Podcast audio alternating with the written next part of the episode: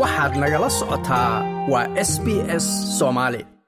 warbixinta labada kun iyo labaatan iyo saddexda ay soo saartay hay'adda xuquuqda aadamaha heerka caalamiga ayaa xoogga waxa ay saartay cabsiyada xuquuqda aadamaha ee dhanka astreeliya ee aadka u daran taasoo ay tahay hay'addanina hay'adda heerka xuquuqda aadamaha u dooda ilaa boqol wadanna warbixin ka soo saarta sannadla qodobada haddaba ugu muhiimsan ee waddanka astreeliya uu riboodku ka hadlay waxa ay tahay tirada dadka ku dhintay xabsiyada waddanka astreeliya iyo sidoo kaleete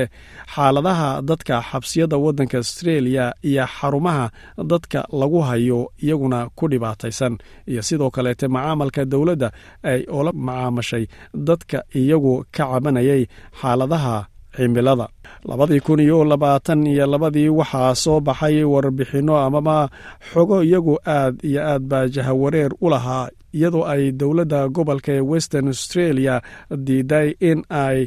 qaboojiyo ku rikibto xabsi ka mid a xabsiyada ku yaalla gudaha gobolka oo la yidhaahdo roban. Iyadoo mararka qaarkood xabsigaasina uu gaadho digriigiisu konton dhibic shan taasoo ahayd mid iyadu khatar gelinaysa nolosha iyo caafimaadka dadka xabsigaasi ku jira. Boqolkiiba sagaashan dadka xabsigaasi ku jiray waxa ay ahaayeen waa xabsiga roban la yidhaahdee dadka iyagu waddanka loogu yimid ee asliga ahaa. Jeril skelby waa la guddoomiyaha bedel diiwaanka isbahaysi ay hogaamiyaan dadka waddanka loogu yimid ee aburijinaalka ah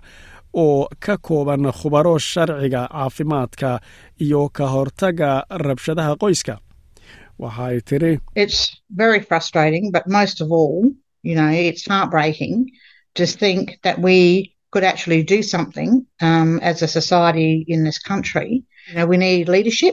um, and we need government to actually start taking waa arrin niyadjab weyn leh laakiin inta badan waxaad og tihiin inay qalbijab ku tahay in aynu ku fikirno in aynu runtii wax ka qaban karno bulshada waddanka haddii aynu nahay. Waxa aynu u baahannahay hoggaan waxa aan u baahannahay in ay xukuumaddu bilowdo in ay warbixinadeenna ay qaadato. Ayay tiri iyo warbixinnada kaleetee faraha badan ee haysa talooyinka badan. Halkaas oo dhab ahaantii bay tiri ay si cad u qeexday waddooyin ay dowladuhu eegi karaan. Bishii nofembar dowladda gobolka western australia ayaa dib uga noqotay go'aankii ay ku diiday gelinta qaboojiyaha xabsigaasi waxayna sheegtay in ay rakibi doonto qaboojiyahaasi laakiin waxay noqonaysaa wakhtiga kulaylahan aanu ku jirna ee aadka u daran ka dambeeya. Dadka asliga ah ayaa si weyn uga dhex muuqda nidaamka cadaaladda dembiyada ee australia iyadoo dadka burujinka iyo torres straight islanderskaas marka laysku daro ay ka kooban yihiin tirada ay ku matalaan xabsiyada labaatan iyo sagaal boqolkiiba marka dadka kale loo eego. Laakiinse keliya ay boqolkiiba saddex uun tirada dadweynaha qaranka ka matalaan ugu yaraan toddobiyo toban qof oo dadka burujinka ah ayaa ku dhintay xabsiga astreeliya sannadkii tagay labada kun labaatan iyo labada marka loo eego kob iyo toban qof oo ku dhimatay sannadkii ka sii horreeyey labada kun iyo labaatan iyo kowga. Sofia macnil waa cilmi baadhaha sare ee hay'adda xuquuqda aadamaha astreeliya iyadoo hadlaysa waxay tiri Waxaa runtii aad looga naxo arrimahan in badan oo ka mid ahi waxa aan ogaanay muddo dheer balse waannu iska indha tirnaa marba marka ka sii dambaysana way sii xumaanayaan oo sii xumaanayaan. Waxaan ognahay bay tiri tani in ay khusayso caafimaadka dadka indigeneska ah ee xabsiyada ku jira. Waxaan ognahay tani in ay tahay arrin sannad kastaba taagan halkan bay tidhi waxaan ku haynaa arrintan soo booday ee tirada dhimashada xabsiyada ku jirta. Welina aan loola dhaqmin sidii arrin qaran oo deg deg ah oo ay tahay in loola dhaqmo. Ma ay helayaan bay tiri tixgelinta dhaqaalaha iyo maalgelinta ay u baahan yihiin austreeliya gudaheeda da'da ugu yar ee mas'uuliyadda dembiilaha sharci ahaan waa toban sano tan oo ka yar amaba ka hoosaysa da'da caalamiga ah ee la aqbalay oo ah afar iyo toban sano. Caruurta dadka waddanka loogu yimid ee asliga ah ayaa iyagu labaatan jeer uga dhow in la xidho marka loo eego kuwa aan asliga ahayn qiyaastii afar boqol afartan iyo afar carruura oo da'doodu ka yar tahay toban iyo afar jir ayaa lagu xidhay sannadkii la soo dhaafay astreeliya oo dhan. Mrs macnel waxa ay sheegtay in ay rajaynayso in haddaba dowladda albanisi ay ku dhaqmi doonto ballanqaadyadii doorashada ee ahaa in ay dib u eegis ku samayni doonaan arrintaasi waxayna tiri. The ALP took a commitment to the election to examine the age of criminal responsibility in Australia, and we really want to see that federal leadership as soon as possible. There's been some pleasing developments in the xisbiga laybarka australia waxa uu watay go'aan wakhtigii doorashada si ay qiimayn ugu sameeyaan da'da mas'uuliyadda dembiga australia. Runtii waxaan rabnaa inaan aragno hoggaanka federaalka sida ugu dhaqsaha badan waxaa jirta horumaro qaar lagu farxo oo ka jira dhanka cambera iyo sidoo kaleete northern territory. Waxaan ka rabnaa ayay tiri dhammaan gobollada in ay kor u qaadaan da'da mas'uuliyadda dembiga oo la gaarsiiyo afar iyo toban sano. Warbixinta sidoo kaleete waxa ay soo saartay dadaal ku saabsan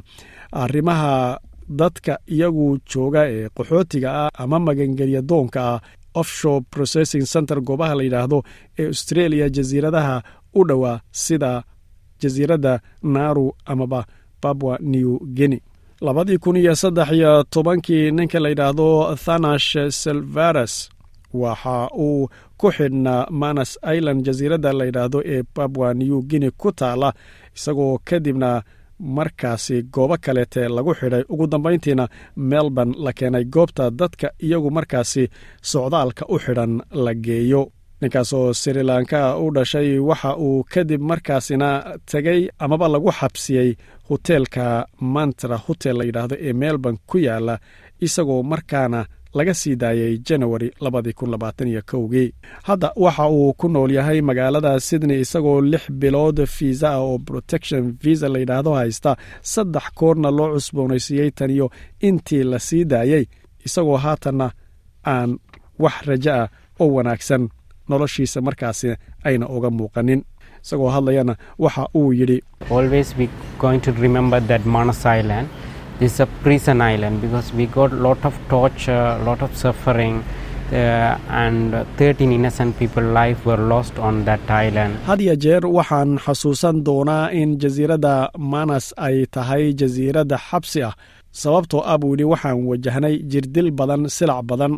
saddex iyo toban qof oo aan waxba galabsan ayaa lagu waayey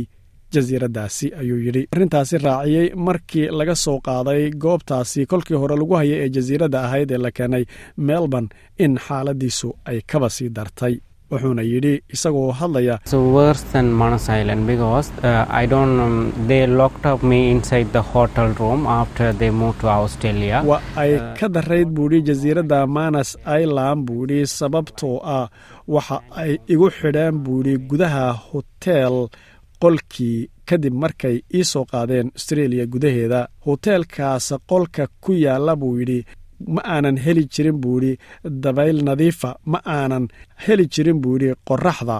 waxa uu ahaa qol aad u yar oo aanan meel laba uga dhaqdhaqaaqi karin. Wax ka badan kun afartan iyo shan qof oo magangelya doona oo jasiiradahaasi ku sugnaa ayaa maraykanku uu qaatay si uu dibudejin u siiyo heshiiskaas oo maraykanka iyo australia ay ka wada shaqeeyeen.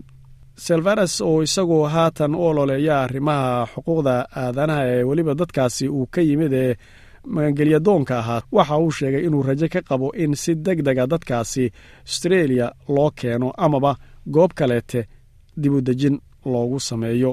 Waxaan u baahannahay in badan australia amaba waddan kale oo saddexaad oo u sameeya dibudejin sida ugu dhaqsaha badan balse buu yidhi dadkaasi badankood waa dad iyagu dhaawac maskaxda iyo jidhkuba uu ka soo gaadhay. Waxa ay tahay buu yidhi in si dhaqso ah loogula cararo takhtarka. Dowladda leybarka ayaa waxa ay ballan ku qaaday in ay sii wadi doonto amaba ay sii haynayso aynan kala diraynin goobahaasi offshore processing centerka ee lagu hayo dadka iyagu magangelya doonka ah amaba qaarkood qaxootiga loo ogolaaday ma doonaysaa sheekooyinkan oo kale? Ka dhegayso apple podcast google podcast spotify ama meel kasta oo aad bodkastigaaga ka hesho